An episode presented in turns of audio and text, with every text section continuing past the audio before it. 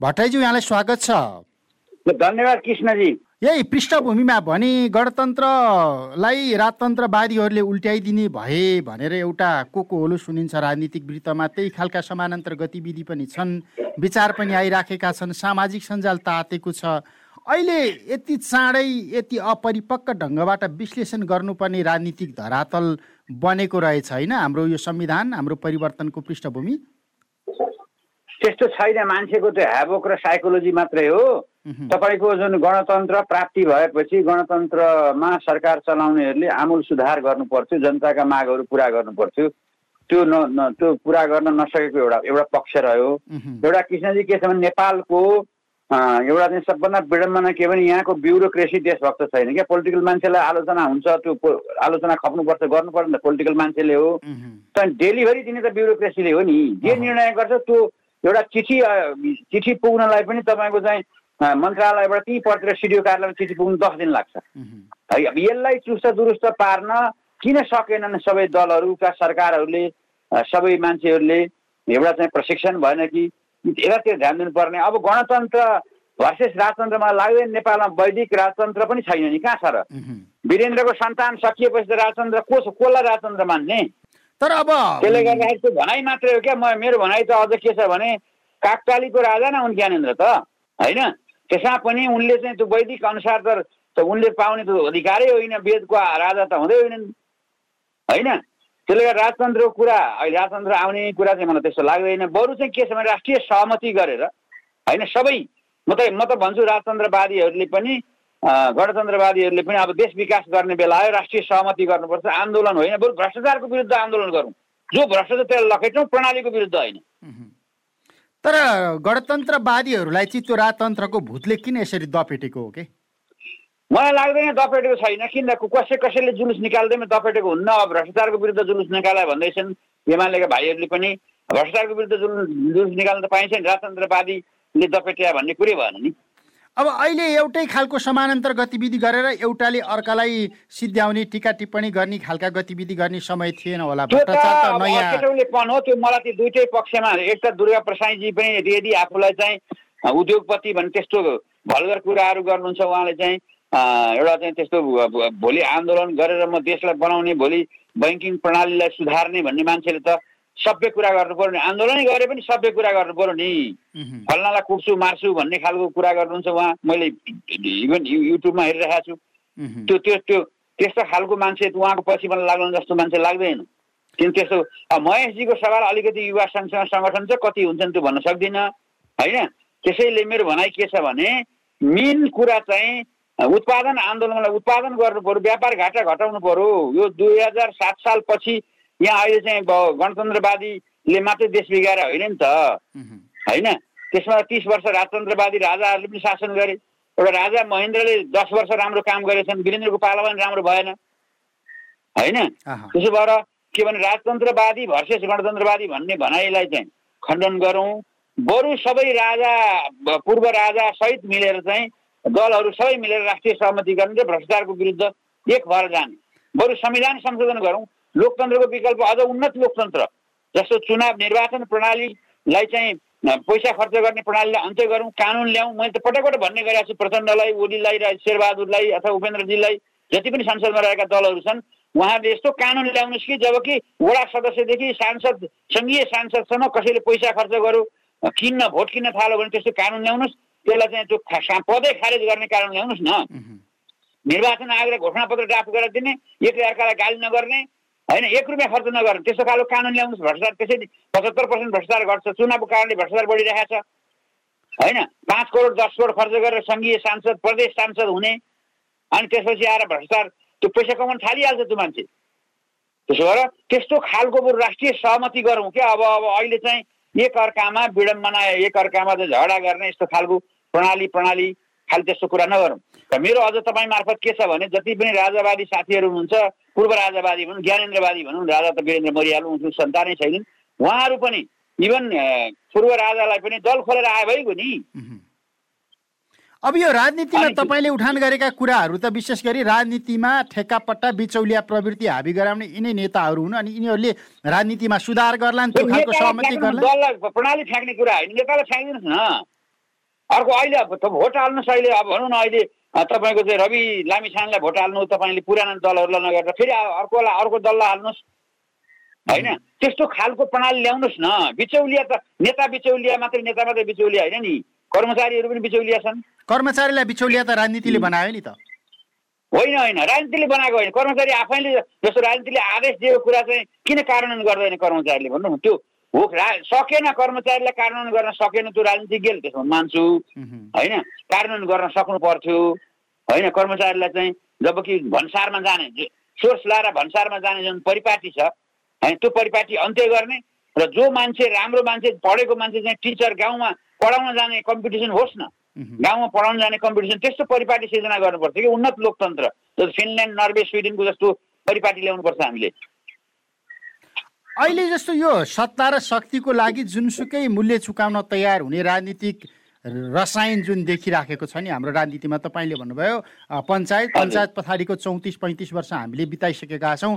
एउटै रसायनको राजनीति चलिराखेको छ अनि अब हामी यही राजनीतिक स्कुलिङबाट हुर्केर आएको पुस्ताभित्रबाट राजनीतिक विद्रोह होला यो पुस्ता विस्थापित होला भनेर कहाँनिरबाट कुन चाहिँ बिन्दुमा बसेर आशा गर्ने? किन हुँदैन? संसारमा तपाईँले एउटा कुरो तपाईँलाई भन्दैछु पञ्चायतै फ्याँक्ने आन्दोलनमा पनि म त म त स्पष्ट रूपमा आन्दोलनमा सहभागी मान्छे। आन्दोलन सञ्चालक दुई हजार छयालिस सालको आन्दोलनको सञ्चालक।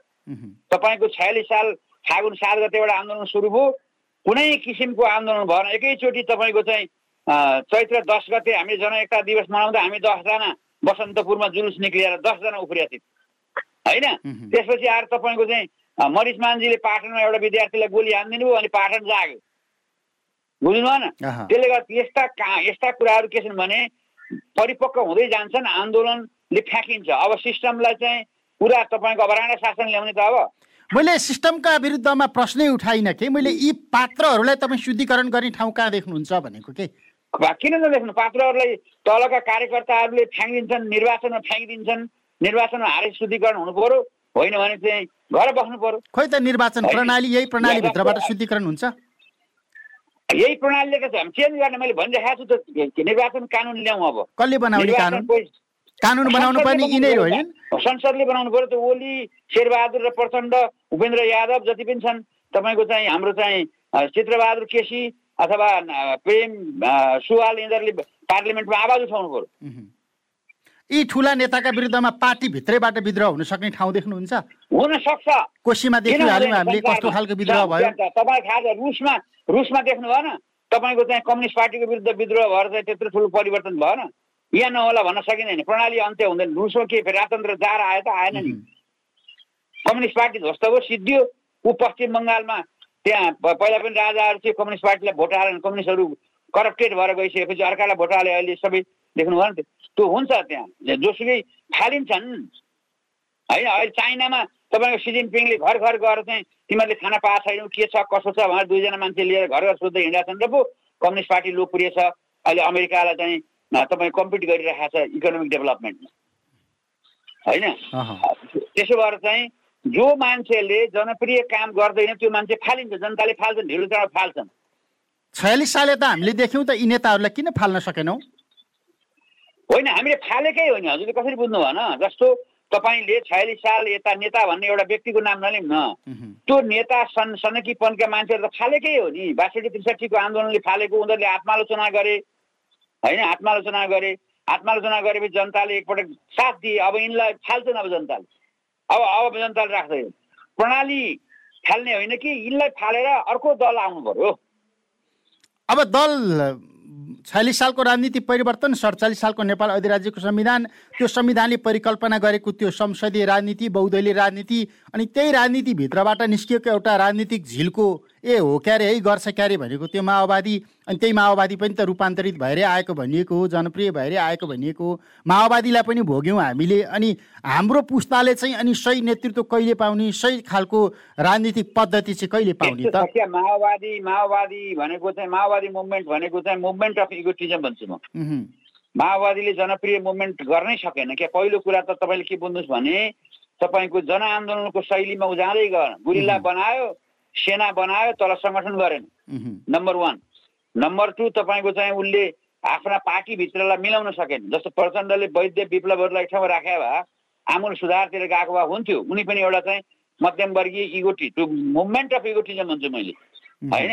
गर्ने चाहिँ तपाईँको चाहिँ सुध्रिने भनेको चाहिँ बिपी कोइराला पुष्पलाललाई बोकेर हिँड्ने मदन भण्डारी मनमोहन अधिकारी अथवा गणेशमान सिंहलाई बोकेर हिँड्ने एमाले काङ्ग्रेसले नै परिपक्व हिसाबले सुधार्नुपर्छ सुध्रिनुपर्छ यिनीहरू यही भित्रबाट सुध्रिन्छ सिस्टम अहिले अब भनाइ त अझ माओवादी र एमाले मिल्नुपर्छ काङ्ग्रेस चाहिँ तपाईँको चाहिँ काङ्ग्रेसलाई प्रतिपक्षमा राख्नुपर्छ मेरो भनाइ त राजनीति शुद्धिकरणका लागि राजनीति शुद्धिकरणका लागि पनि किनभने अहिले तपाईँले हिसाब गर्नुहोस् कि यो तेत्तिस वर्षमा चौबिस वर्ष काङ्ग्रेसले शासन गर्यो अब माओवादी र एमाले अथवा कम्युनिस्ट पार्टीको शासन जम्मा दस वर्ष मात्रै हो क्या? घाममा मात्रै परेको छ काम गर्न त मनमोहनजीले नौ महिनामा राम्रो काम गरेर देखाउनु भयो त। छुट्टै कुरा हो। तर अहिले जुन राज्यका सम्पत्तिहरू कौडीको मलमा बेच्ने त काङ्ग्रेसै हो नि। होइन कम्युनिस्ट पार्टीले त्यसरी काम गर्न सकेन त छुट्टै कुरा हो तर राज्यको सम्पत्ति कुनै भनौँ बिरगन चिनी कारखाना कम्युनिस्ट पार्टीले बेचे हो र होइन नि। होइन?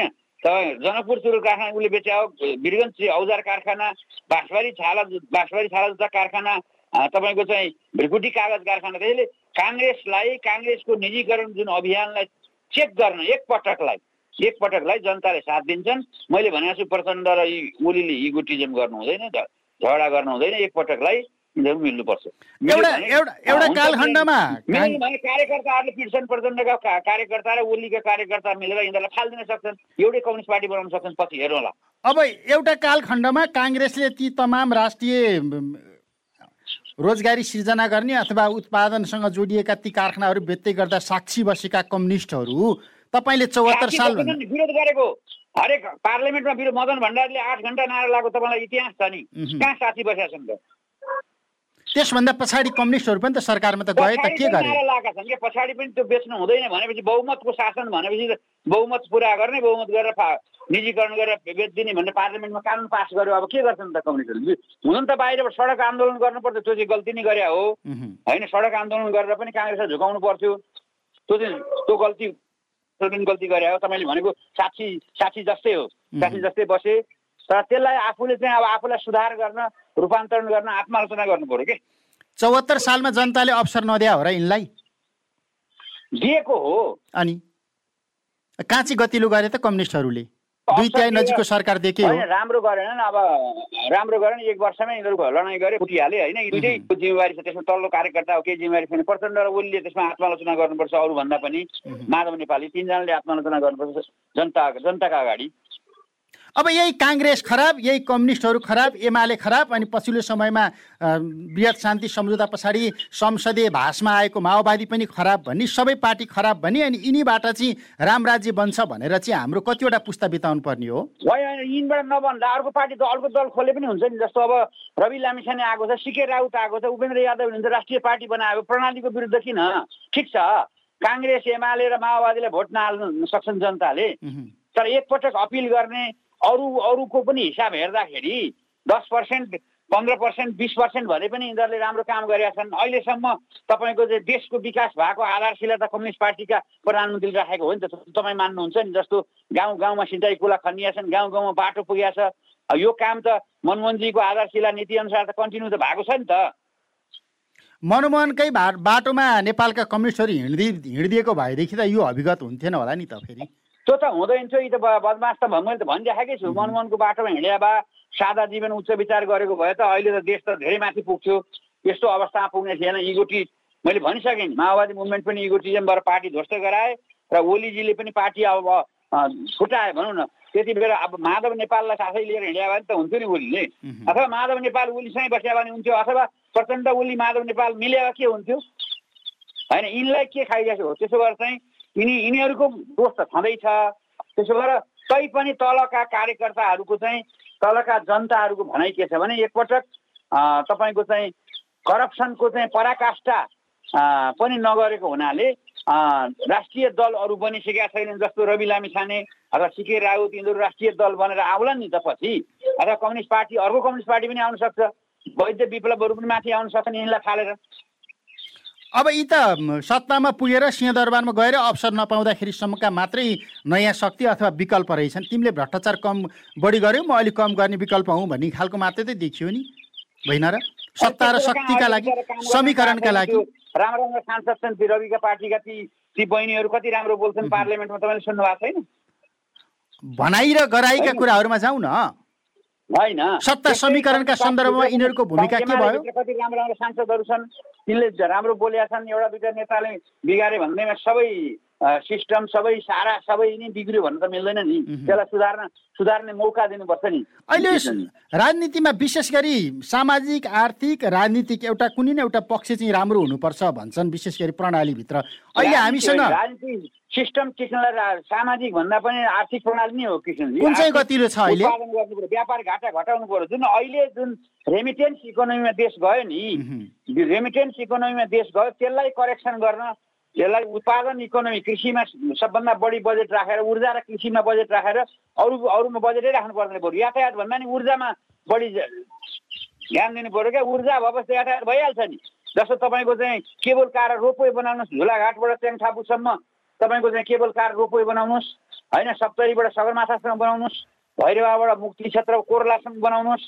होइन जनकपुरबाट यहाँ के भन्छ तातो पानीसम्म बनाउनुहोस्। वीरगन्जबाट रसुवागढीसम्म बनाउनुहोस् होइन? तपाईँ कञ्चनपुरबाट चाहिँ दार्चुलासम्म बनाउनुहोस्। यस्तो खालको चाहिँ ऊर्जा र चाहिँ कृषिमा ध्यान दिनु पऱ्यो अहिलेसम्म गल्ती भएको यो हो र यो गल्तीलाई चाहिँ सबै दल सबै बुद्धिजीवी कर्मचारी नेता भनेको चाहिँ दलको मात्रै नेता हुँदैन। प्रधान न्यायाधीश पनि नेतै हो प्रधान सेनापति पनि नेतै हो मुख्य सचिव पनि नेतै हो। विद्या विश्वविद्यालयको उपकुलपति जसले चाहिँ त्यहाँ रिसर्च गर्नु पऱ्यो त्यहाँ तपाईँको यस्तो प्रवृत्ति छ कि तपाईँको चाहिँ प्राइभेट कलेज खोल्ने अनि विश्वविद्यालयमा गएर हाजिर गरेर त्यहाँको तलब खाने जुन प्रवृत्ति छ त्यसलाई चाहिँ परास्त गर्नु पऱ्यो बुद्धिजीवीहरू देशभक्त भएर आउनु पऱ्यो आफूले आत्मालोचना गर्नु पऱ्यो अनि देश बन्छ क्या किसिम सर? यो यो यो अहिलेको जस्तो तपाईँले भन्नु नि रेमिटेन्स इकोनोमीमा मुलुक कहिले प्रवेश गर्यो कहाँबाट प्रवेश भयो यो? यो त यो अडचालिस सालबाट गइ पनि रेमिटेन्स इकोनोमीमा तपाईँको चाहिँ गिरिजा प्रसाद कोइरा रामशरण महत्र चाहिँ महेश आचार्य जुन थिए रामशरण महत्र चाहिँ योजना आयोगको उपाध्यक्ष बने त्यसैमा त गणेश मानजी र गिरिजाको झगडा पऱ्यो। गणेश मानजीले चाहिँ यस्तो नगर अब आर्थिक क्रान्ति गर्नुपर्छ उत्पादनमा बजेट राख्नुपर्छ भन्दाखेरि रेमिटेन्समा रामशरणले अब विदेशी अब अब लिबरलाइजेसन भनेर चाहिँ तपाईँको चाहिँ पुरै देशको चाहिँ सारा सम्पत्ति चाहिँ निजीकरण कौडीको मूल्यमा बेच्ने परिपाटी त्यहाँबाट सुरु भयो नि त। त्यसलाई कन्टिन्यू गर्यो नि। जब काङ्ग्रेस शासनमा जान्छ अनि निजीकरण निजीकरण निजीकरण भनेपछि त अब अहिले पनि तपाईँको चाहिँ हो तपाईँसँग केमा सहमत छु भने अहिले जुन कम्युनिस्ट पार्टीका लिडरहरूले अथवा अरू पार्टीका लिडरहरूले समाजवादी पार्टीका लिडरहरूले भन्नु पऱ्यो नि पार्लियामेन्टमा पार्लियामेन्टमा भनेर समाजवाद उन्मुख संविधान ल्याउने अनि ती सबै कौडीका मोलमा बेचेका उद्योग धन्दाहरू अहिले चाहिँ जुन कृषि केन्द्रहरू जुन राजा महेन्द्रले खोलेका कृषि केन्द्रहरू बाँध्दैछन् अहिले त्यस्ता कुनै अनुसन्धान हुँदैन होइन? यस्तो खालको जुन परिपाटी लथालिङ्ग परिपाटीमा गयो हो त्यसलाई चाहिँ चेक गर्नुपर्छ। क्या कृष्ण सर? हो यो यो तपाईँ हामीले प्रयोग गरिराखेकै शब्द लथालिङ्गै भयो निराशाजनक कोर्समै गयो भनेर हामी भनिराखेका छौँ। अधिकांश नागरिकहरूको बुझाइ पनि यही रह्यो कि अनि यसैले चाहिँ विद्रोहको इपी सेन्टरको काम त गरिराखेको छैन। ठिक छ यसलाई विद्रोह होस् कि विद्रोह के को लागि गर्ने भने करप्सनको विरुद्ध यही लथालिङ्गको विरुद्ध विद्रोह हुनु पर्यो होइन? अब त्यो प्रणालीलाई दोष दिएर प्रणाली त पञ्च के अरे तिस वर्ष त राजाहरूले शासन गरेकै हुन्। राजाहरूको शासनमा किन देश यातायात कहाँ थियो भन्नुहोस् त म तपाईँको छयालिस सालमा छयालिस सालपछि छयालिस सालको जनआन्दोलन पछि तपाईँको चाहिँ ओखलडुङ्गाबाट हिँडेर कटारी जानु पर्थ्यो हामीले यातायात भेटेका थिएनौँ होइन? मेरो म ओखलडुङ्गा कुरा गर्छु। तपाईँ चाहिँ कहाँ सुर्खेत होइन हजुर घर सिन्धुपाल्चोक। पञ्चायत कालमै खुलेको अरण्यको राजमार्ग। बनेकै थियो। तर हाम्रो चाहिँ अझ पश्चिम सुदूरपश्चिममा कुरै नगर्नुहोस्। हाम्रै ओखलडुङ्गाबाट सप्तरी जानु पऱ्यो भने तपाईँ जानु पर्थ्यो काठमाडौँमा। तिन दिन चार दिन लाग्थ्यो। भनेपछि प्रत्येक अब अहिले हाम्रो चाहिँ घर घरमा हाम्रो ओखलडुङ्गाको घर घरमा गाडी पुगेको छ। होइन? हुँदै नभएको विकासै नभएको होइन। तर के भयो भने चरम भ्रष्टाचार भयो। यो भ्रष्टाचारको विरुद्ध चाहिँ आन्दोलन गर्नु पर्यो नागरिक आन्दोलन भ्रष्टाचारको विरुद्ध हुनु पर्यो त्यति बेला त्यो भूगोल अथवा त्यो समाज आत्मनिर्भर थियो होला नि त। होइन? त्यो भूगोल त्यो समाज त्यति बेला त्यो परिवेश चाहिँ आत्मनिर्भर थियो होला। अहिलेको जस्तो परनिर्भर थिएन होला। आत्मनिर्भर भन्नाले एउटा कुरा के थियो भने कृषि उपज जहाँसुकै कृषि गरेका थियो। अब व्यापार पनि तपाईँको चाहिँ विदेशी विदेशी जुन एड सहयोग पनि आइरहेको थियो यी सब कुराहरू छन्। हेर्दाखेरि चाहिँ उत्पादनमा थियो। अहिले चाहिँ परनिर्भर तपाईँले भन्नुभयो विदेशमा परनिर्भर किनभने जब म्यान पावरै युवा चाहिँ तपाईँ विदेश पठाउनुहुन्छ गरिब निम्नवर्गीय युवाहरू खाडी राष्ट्रमा मध्यमवर्गीय युवाहरू युरोपमा गइसकेपछि त युवा नभएपछि त अहिले पैँतालिसदेखि साठी वर्षको मान्छेले कृषि गरेछ अनि खाना कहाँ पुग्छ त? संसारमा तपाईँले चाहिँ अमेरिकामा अहिले त्यत्रो औद्योगिक राष्ट्रमा एक्काइस पर्सेन्ट बजेट छ कृषिमा। चाइनामा तेइस पर्सेन्ट कृषिमा बजेट छ। भारतमा सत्र पर्सेन्ट छ। अब हाम्रो यहाँ two point nine percent budget राख्छन्। मैले अस्ति प्रचण्डजीलाई भने तपाईँको अर्थमन्त्रीले के गरेको तपाईँले किन यस्तो पनि हुन्छ उत्पादन गर्न कृषिमा कम्तीमा पन्ध्र पर्सेन्ट बजेट राख्नु पऱ्यो ऊर्जामा कम्तीमा पन्ध्र पर्सेन्ट राख्नु पऱ्यो होइन? ऊर्जा र कृषि नै हो नि संसारको विकास। विकासको आधारशिला त। ऊर्जै हो के? अब त्यहाँ ध्यान दिने खालि ऊर्जा चाहिँ विदेश निकासी गर्ने जुन पहिला कर्मचारी तन्त्रको जुन दिमाग छ त्यही दिमागले पञ्चायत व्यवस्थालाई खायो। अब त्यही दिमागमै कन्टिन्यू अहिलेका दलका नेताहरू अथवा बुद्धिजीवीहरू अथवा प्राध्यापकहरू हिँडिसकेपछि त यसलाई पनि बिगार्ने त भयो नि कृष्णजी। अब यही त यही। नेपालमै पाउनु पाउनु ऊर्जा नेपालमा किनभने तपाईँ चालिस हजार मेगावाट विद्युत पचास हजार मेगावाट यी खर्च पेट्रोल डिजेल विस्थापित गर्नुहोस् न यार तपाईँ किन त्यो डलर किन बाहिर फाल्नुहुन्छ होइन? तपाईँ ऊर्जाले यी तपाईँको चाहिँ रोपोएर केबल कार हाल्नुहोस्। होइन? यति राम्रो देश त यहाँ तपाईँ गुल्मी जिल्लामा सात किलोमिटर लामो गुफा छ। हो त्यहाँ चाहिँ त्यहाँ चाहिँ केबल कारमा मान्छे चढेर यहाँ काठमाडौँबाट कुहिरेहरू गएर चाहिँ त्यहाँ गुफा हेर्न जान्छन्। होइन यस्तो चाहिँ प्रकृतिले प्रकृतिको बनोट भएको देश छ त्यस्तै कर्णाली अञ्चल त्यस्तै छ। होइन सौ सोलु सल्लेरी त्यस्तै छ सङ्खुवा सभा त्यस्तै छ। होइन अब इतिहासको हिसाबले चाहिँ संस्कृतिको हिसाबले जनकपुर त्यस्तै छ लुम्बिनी त्यस्तै छ भनिसकेको छ। तपाईँको काठमाडौँ भ्याली पशुपतिनाथ यी सब कुरा छन् नि त। हो यस यतातिर ध्यान दिनु पर्यो तपाईँहरू हामी तपाईँ हामी जस्ता चाहिँ फोर्थ स्टेट भनौँ न अब पत्रकारिता गर्ने मान्छेहरूले पनि यतातिर ध्यान दिनु पर्यो क्या मान्छेलाई ल म त मैले म निराशा निराशावादी होइन म आशावादी नै रहेँ तर आशावादी हुँदा हुँदै पनि मलाई एउटा प्रश्नले सधैँ दपटिरहन्छ कि हिजै तपाईँ हामीले उठान गरेको यही विभेदका विरुद्धमा मसाल मसाल बोकेकाहरू जमिनदारको जमिनमा झन्डा गार्नेहरू आज सुनको थालमा भात खाने भए जो हिजो चरेसको थालमा भात खानेहरूलाई गाउँबाट सफाइ गरेर लखेड्थे अनि बुर्जुवा शिक्षा भनेर दुनियाँलाई का छोरालाई पढ्न दिएनन्। उनका छोराहरू अहिले डा डाक्टर खलास डाक्टर भए पाइलट भए इन्जिनियर भए। अनि त्यो मसाल बोक्ने गाउँ चाहिँ रित्तिएर अनि त्यो साम्राज्यवादी अमेरिकाको लागि पैदल यात्रा गरेर हिँडिराखेको छ भनेर सुन्दाखेरि मान्छे विद्रोह स्वाभाविक रूपमा विद्रोह गर्छ होला नि त। हो त ठिक हो तपाईँ त म पनि त्यसमा सहमत छु। अनि अनि यो अनि यस्ता नेतृत्वका विरुद्धमा विद्रोह झन्डा उठाएको छैन जस्तो। माओवादीले चाहिँ त्यस्तो गर्यो नेता प्रचण्डजीले कन्ट्रोल गर्न सकेनन् अनि त्यस्तो लाइनमा हिँड्यो भनेर त वैद्यले विद्रोह गरेकै छन् नि त। त्यही विद्रोह छन्? वैद्यजीको विकल्प यो सिस्टमको विकल्प जनवादी गणतन्त्र हुन्छ क्या? राजतन्त्र हुँदैन क्या कृष्ण राजतन्त्रको कुरो। भएन मैले जनताको पक्षमा उठिराखेको यो आवाजको विद्रोह यो विद्रोहले चाहिँ भोलि कुन बाटो लिएला भन्ने मात्रै चिन्ता हो नि त। स्वाभाविक रूपमा विद्रोह असम्भव छ के छ। भने तपाईँ हामी जस्ता पत्रकारले बाटो बाटो चाहिँ यो अहिलेको युगमा होला दस बिस हजार मान्छे राजतन्त्रका समर्थक पनि होला। त्यतिले यो सिस्टम जाँदैन त्यो बाटो लिँदैन। तर हामी सिस्टम भन्दा पनि अझ यो यो सिस्टम उन्नत सिस्टम ल्याउनलाई मैले अघि भने जस्तो चुनाव प्रणाली छुट्टै खालको अथवा राष्ट्रपतीय प्रणालीमा जाने यस्तो खालको अझ उन्नत लोकतन्त्र ल्याउनुपर्छ क्या योभन्दा। नयाँ व्यक्तिको राजा व्यक्तिको छोरा फेरि राष्ट्राध्यक्ष हुने परिपाटी अब अन्त्य भइसकेपछि त्यो आउँदैन। सडकबाट सडकबाट तपाईँ हामीले भनिराखेको ढङ्गबाट संविधान संशोधन हुँदैन सडकबाट कानुन बन्दैन कानुन बनाउने ठाउँमा यिनै मठाधीशहरू बसिराखेका छन्। हामीले दुई पुस्ताले देखिसकेका छौँ अनि यिनीहरूसँग कसरी आशा गर्ने भएको होइन? छयालिस सालको सडकबाट भएको होइन? संविधान परिवर्तन गर्ने? त्यसो भने सडकबाटै संविधान परिवर्तन गर्ने? होइन सकेसम्म पार्लियामेन्टबाट गर्ने सडकबाट विशाल जुलुस निकाल्ने संविधान संशोधन गर भन्ने नारा लाउने अनि बाध्य भएर गरिहाल्छ नि जस्तो राजा वीरेन्द्रले बहुदल घोषणा गरे जस्तै हामीले सडकमा विशाल आन्दोलन गऱ्यौँ भने निर्वाचन कानुन चेन्ज गर होइन? समाजवाद उन्मुख प्रवृत्ति लागू गर शोषणको अन्त्य गर भ्रष्टाचारको अन्त्य गर भनेर नारा लाउँ न हामीले। है? अनि बाध्य भइहाल्छ नि पार्लियामेन्ट बाध्य भएर गरिहाल्छ नि तर त्यही अन्त्यमा सालाखाला यही बुझौँ चौरासी सालको चुनाव मिसन चौरासी भनिराखेका छन् क्यारे दलहरू कतिपय। केही रोक्दैछन् केही छेक्दैछन् केही अगाडि बढ्दैछन्। त्यो एउटा चुनावी बाकस चाहिँ एउटा मुलुकको दिशा परिवर्तन गर्ने बाटो बन्न सक्छ भनेर हामीले आजकै दिनमा विश्लेषण गर्न सक्छौँ। त्यो हुन सक्छ चुनावी बाटो चुनावबाटै मेरो भनाइ त अझ मेरो भनाइ तपाईँ मार्फत यी अहिलेका सुध्रिने सुध्रिउन् भन्ने मेरो चाहना छ यी अहिलेको संसदमा रहेका दलका नेताहरू